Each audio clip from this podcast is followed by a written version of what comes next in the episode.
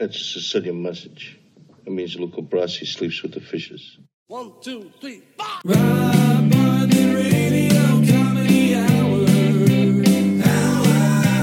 Rob on radio comedy hour. Hour. Welcome. Welcome, everybody, to the Rob Bartlett Radio Comedy Hour. I am Rob Bartlett, and this is my Radio Comedy Hour, uh, episode number 35. 35. God, where does the time go? Uh, we had another great show for you this week, including another chapter of I Remember Imus, which is stories uh, from my my checkered career, stand up and uh, TV and Broadway and film, and of course my time at the Imus in the Morning program. Because without that, none of that other stuff would have happened. This week we're going to go into the origin of Sal Monella and the night before Christmas in Brooklyn. So there's a lot of great stories there. We will have a visit from our friend Larry Flynt with some thoughts about Tiger Woods and the PGA Tour. Blind Mississippi white boy Pig Feets Dupris will be by to sing the blues. But first up, this month is the 50th anniversary of The Godfather, uh, the book. Uh, the book published March 10th, 1969. It's a huge bestseller, enormous bestseller. And it was almost three years to the day the movie was released, March 15th, 1972. And, you know, it's one of those rare times when the movie actually is better than the book. And it's obviously much better than the book. It's the greatest American film ever. I mean, a lot of film historians will tell you that. You know that the movie is much better than the book when you read the book, and there's an entire storyline with Johnny Fontaine in Vegas, and uh, and this doctor who Johnny Fontaine hires to tighten his girlfriend's vagina. Yes, I shit you not. Tighten his girlfriend's vagina is an actual storyline in Godfather, the novel. Coppola meticulously uh, followed the book.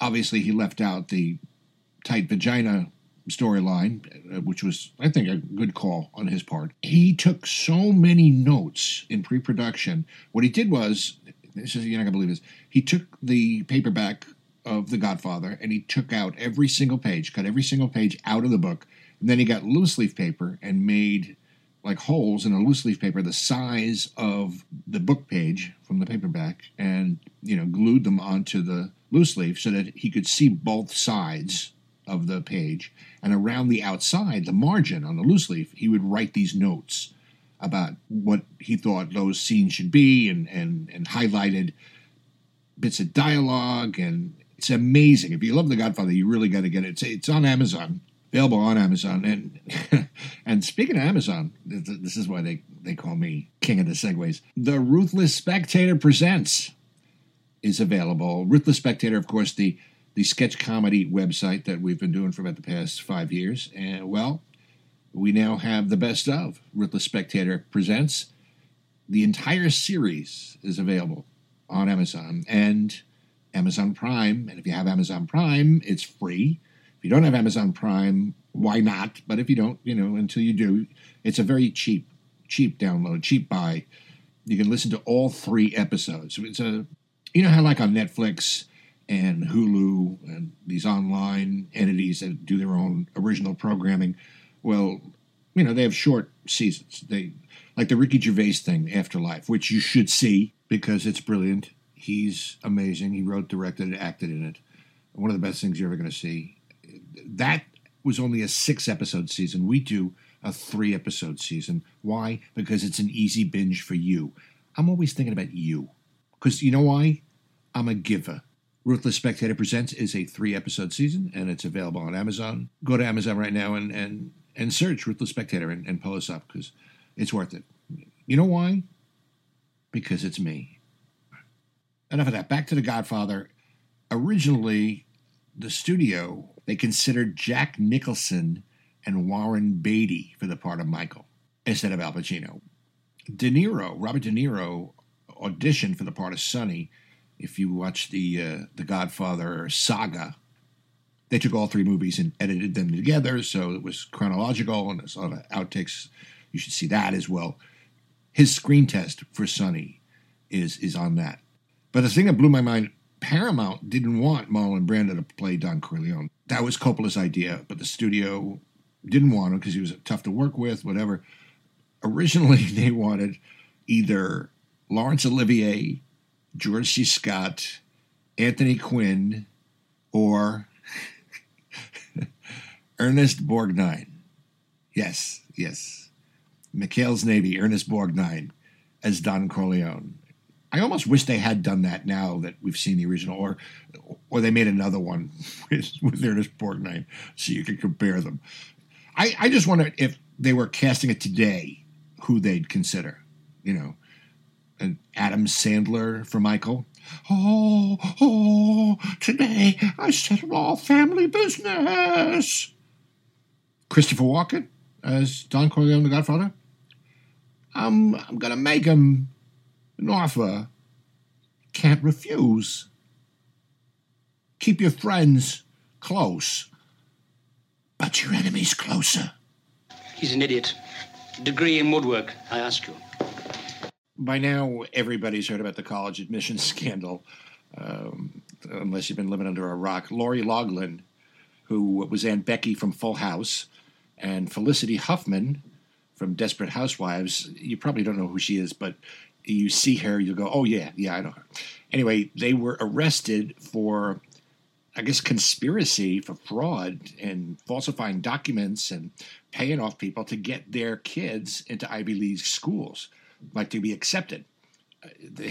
Aunt Becky and her husband, I mean Lori Loughlin and, and her real husband, the fashion designer Mossimo Giannulli, and and not John Stamos, who of course played Uncle Jesse, they paid a half a million dollars to get their daughters listed as recruits for the USC women's crew team. five hundred thousand dollars to say that their girls could, you know, row boats to get into USC. They could have gotten them on a field hockey team for half that, but Felicity Huffman allegedly paid fifteen thousand dollars to get her daughter extra time to take the SATs and to have the proctor correct her answers. So she could go from a score of 1020, which is approximately the score you can obtain if you're a wheel of brie, to 1420, which I guess is enough to get you into a good school. Her husband, William Macy, he's the drunk father from Shameless, not Bill Macy, who was Maude's husband on Maude. The- Very different, two guys. William Macy now has a reason to get shit faced, I guess, now that his wife's going to prison, just like his character. Method acting. I don't know. Well, uh, to sing the blues for us about this very subject, boys and girls, uh, please welcome legendary blues singer, blind Mississippi white boy, pig feets, Dupris. Yes. Welcome to the program. well, thank you very, very much. My pleasure to be Uh, here. we're- we're all big fans. yeah, as I am of you, Mr. Ron Barnett. Uh, It's Bartley. yes. So uh, let me ask you, uh, what have you been doing uh, aside from singing the blues? well, uh, I have, uh, I guess, been uh, doing some part-time jobs. Uh-huh. Uh, found some employment as a as a bouncer at a salad bar. Really? And, uh. That didn't work out all that too good, so I wound up uh, uh, getting a job in a factory putting uh, little paper booties on the uh, on the land shots. So, but you know, you gotta take some of these menial jobs sometimes to help fuel your creative well. You know, fill the well of creativity with things that would you know generate a feeling of frustration and and sadness and things that would help uh, fuel the blues. Oh, yeah. Well, that makes sense if you think about it. Do you have a blues song for us today? Yes, uh, I, I do. It's uh, it's a blues song as timely as today's headlines. Oh, great. And goes something like this here. Actually, it, it goes exactly like this here. I mean, how else is it supposed to go? Sorry, I have to tune up here.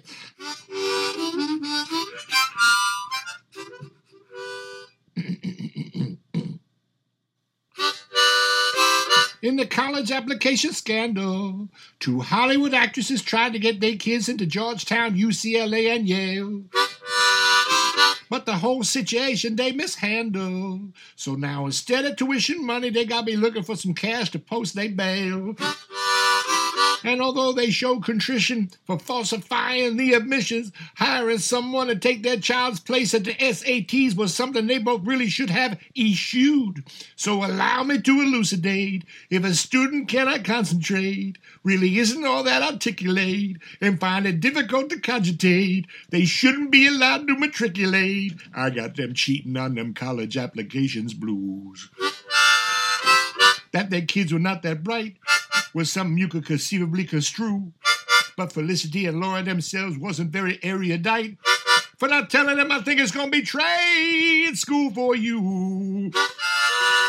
It's just a bit concerning what parents do to try to get their kids into an Ivy League university. That when it comes to applying for higher learning, they wind up succumbing to committing intellectual perversity. It's just a little ironic when kids are chronically moronic that their mamas ain't learned the one lesson that you know be absolutely true. The only real solution to get into an Ivy League institution while avoiding criminal prosecution, having to pay some restitution, is to embrace the resolution that there just ain't no substitution for good old fashioned cerebral aptitude. Blind Mississippi white boy, Big Feet Dupris, with the college admissions blues. Thank you, Feets. Thank you very much. Thank you. That's that's good. Yeah, we're we're done.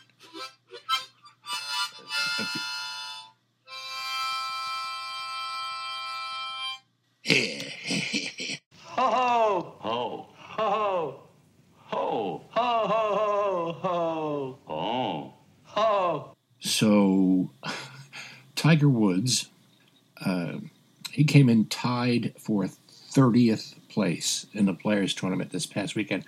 30th and tied. I mean, Jesus, how the mighty have fallen. Well, uh, here with some thoughts on that is uh, is our old pal, uh, pornographer and First Amendment advocate, Mr. Larry Flynt. Welcome, Larry. Uh, thank you. Don't get up. Oh, haha, I get it. Ah, don't get up. yeah, I, I never heard that before. It's supposed to be a comedy show? Uh, when's the comedy start? well, Mark Twain said golf is a good walk spoiled. Yeah, well, a wheelchair spoils a good walk pretty effectively, too, you racist motherfucker. Yeah, I, I love golf. Uh, I used to like Tiger Woods. There was a time when he could hit a nine iron 168 yards around the trees, over the gallery, and stick it within four feet of the pin. But now he couldn't hit a bull in the ass with a handful of BBs. In the Players' Championship last week, he tied for 30th place. 30th. Mm-hmm. I could be the 30th. and I have to put the club in my mouth. He spent more time in the sand than Brian Wilson. I haven't seen somebody have a harder time putting something in a hole since that blind guy we had in the VIP room at the Hustler Club a couple years ago. Hey, Tiger, it's not basketball, okay? Points are bad. Chi Chi Rodriguez could beat just about anyone using a Coke bottle and a putter. Mm-hmm. Drive a ball farther than you've ever been on vacation. Tiger couldn't drive a ball that far if he duct taped it to an ICBM. I love to play golf, and I don't ever have to pay for a cart.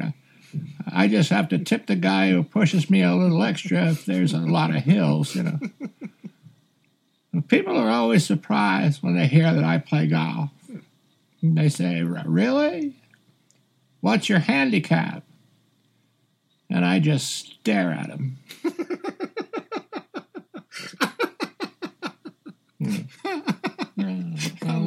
Larry Flynt. Uh, uh, thank you, Larry. That was uh, very insightful. You're welcome. Now go fuck yourself. How do you feel? I used to use my hands. He used to use his hands. So I stumbled on this Instagram, uh, Twitter thing called Dr. Mantis Insect Analyst. I think it's uh, it's at Insect Analyst on Twitter. I think it's uh, underscore Dr. Mantis underscore on Instagram. And it's it, like clips from some animated thing. And it's a short clip, but then there's also like some words of wisdom or some kind of observation made by Dr. Mantis, which accompanies the the clip, and it's it's really really funny. Uh, I suggest you check it out, Dr. Mantis at Insect Analyst on Twitter. It's it's it's worth checking out and and following because it's it's very very funny. I also want to remind you guys to tell your friends and family to check us out here on the Rob Bartlett Radio Comedy Hour. We want you to spread the word, get everybody you know to subscribe to the podcast. You can check us out on the Rob Bartlett Radio Comedy Hour Facebook page. You can follow us on Twitter at the Robio, R O B I O. You can follow us on Instagram, Robio Radio Comedy, as well as Robio007. Email us at Robio Radio Comedy Hour at gmail.com. We'd love to hear from you. We have followers from all over the world the UK, Australia, Japan, New Zealand, Sweden. We're very, very big in Sweden. Obviously, you're listening to us now, but I don't know if you've subscribed, but subscribe, you know, on iTunes or Google Play or wherever you get your podcast. Subscribe, and in that way, you will always get the latest episode as soon as it drops.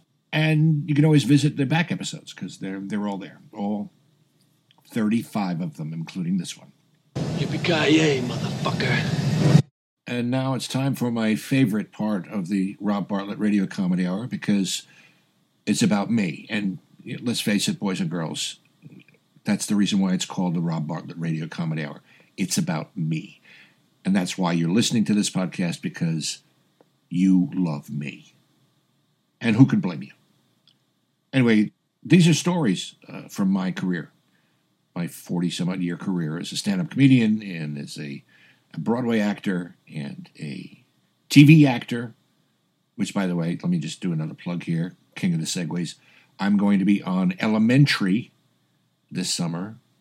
Elementary, the Sherlock Holmes reboot in modern day with Jonny Lee Miller and Lucy Liu.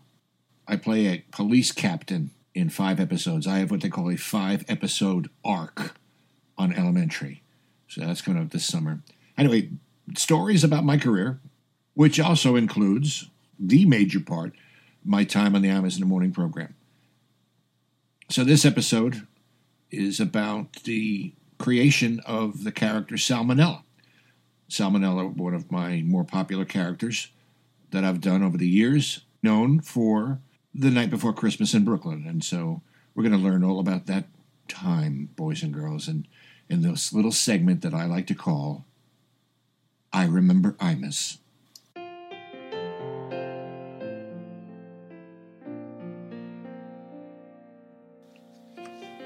You know, looking back on my 40 year career, I remember all the great times. Remember all the laughs, all the highs, all the lows, all the great opportunities I've had. I remember all the breaks. But mostly, I think about the man who really made it all possible. I remember Imus.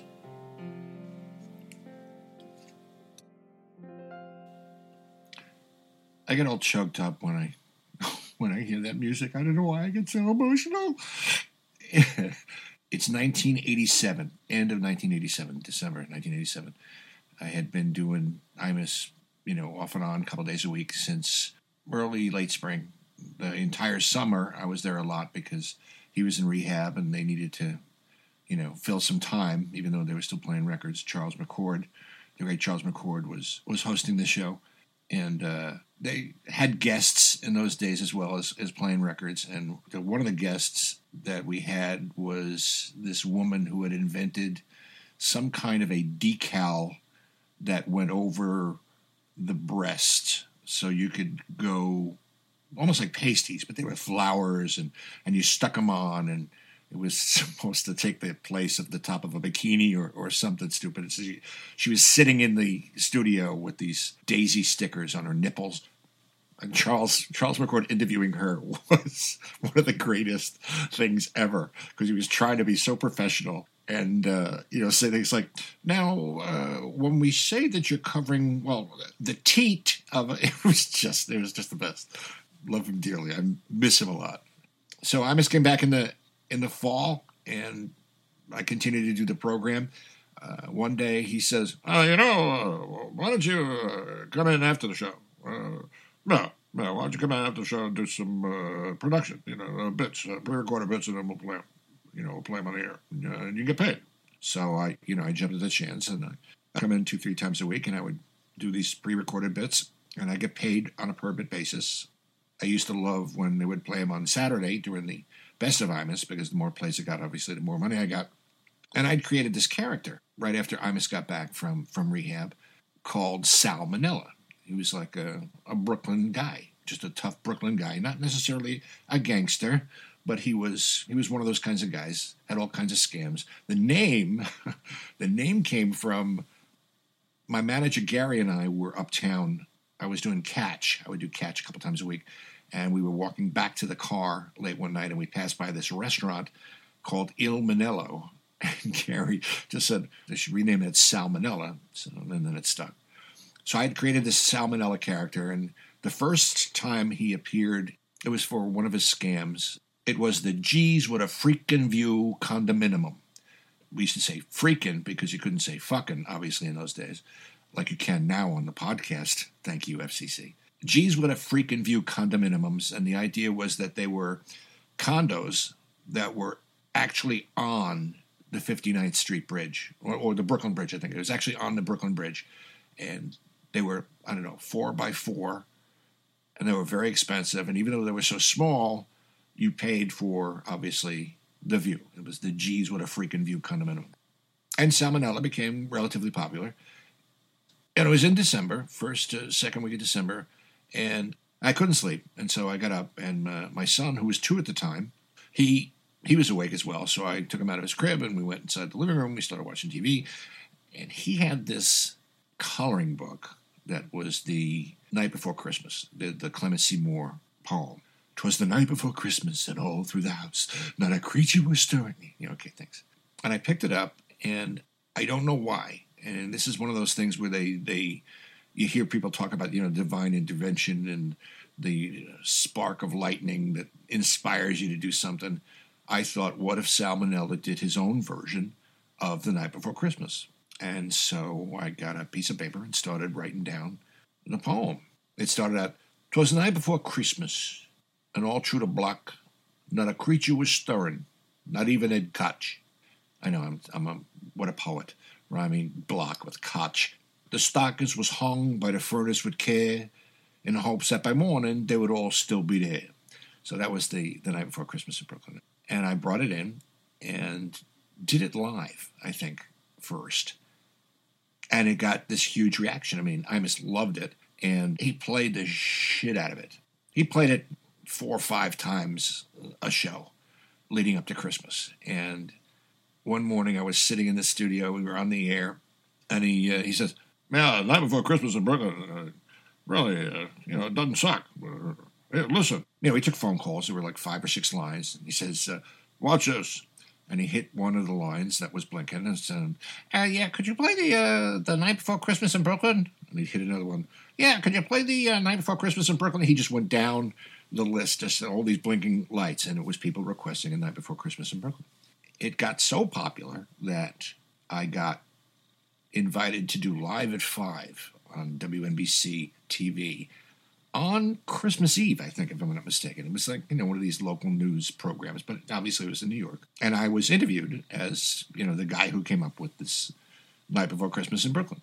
And uh, I was on with Debra Monk, the uh, the actress, great actress. She was in a show called Pump Boys and Dinettes, and she was on before me. And you know how everything comes full circle. We wound up doing an episode of The Good Wife together. Anyway, so I did it. I did the night before Christmas in Brooklyn, and I guess we had the whole family over for Christmas Eve at, at my apartment. my wife had taped it, and we all sat and- watched my my television debut. I mean, I'd been on on you know one program prior to that. Up to that point, it was the Joe Franklin Show. It was this talk show that he would do on, on Channel 9 WOR. It was local. It was a showbiz show. He would interview actors and singers and and he would get some big time names. You know, he'd get Liza Minnelli, but then he would also have somebody who was opening a new restaurant. And they, they would all be on the panel together. And it was just like the Tonight Show. You know, it's the panel and the chair and right next to Joe and the, and the couch. And uh, the singer would sing and then come sit. And then, and then uh, in my case, the stand up comedian went up and did his thing and uh, went and bumped the singer down the couch. I have an amazing story about the the Joe Franklin show, but I will uh, I'll save that for another episode. It's one of the most bizarre stories I have in my, my repertoire. But the night before Christmas in Brooklyn, I wish I knew how I came up with that. Because the version that I do was pretty much just word for word from the version that I wrote. It just kind of poured out. You know, I wish I knew how I did that so I could do something like that again. It doesn't make any difference to me what a man does for a living, you understand. But uh, your business is uh, a little dangerous. Uh, you know what that means, boys and girls. It's time to draw this episode of the Rob Bartlett Radio Comedy Hour to a close. Like to thank Blind Mississippi White Boy Pig Feets Dupris, Larry Flynt, and of course me. Because as we all know, this is my show, and it's called. See how I did that there? You know what that is? That's precision. That's craft. Our program this week was produced by Gary Grant and me, Rob Bartlett, written by Andrew Smith and me, Rob Bartlett. The Rob Bartlett Radio Comedy Hour theme song that you're listening to right now, composed by Gary Grant. No animals were harmed in the recording of this podcast. We'll see you next week, boys and girls, with uh, some more idiocy and another chapter of I Remember Imus. Until then, be good to each other, won't you?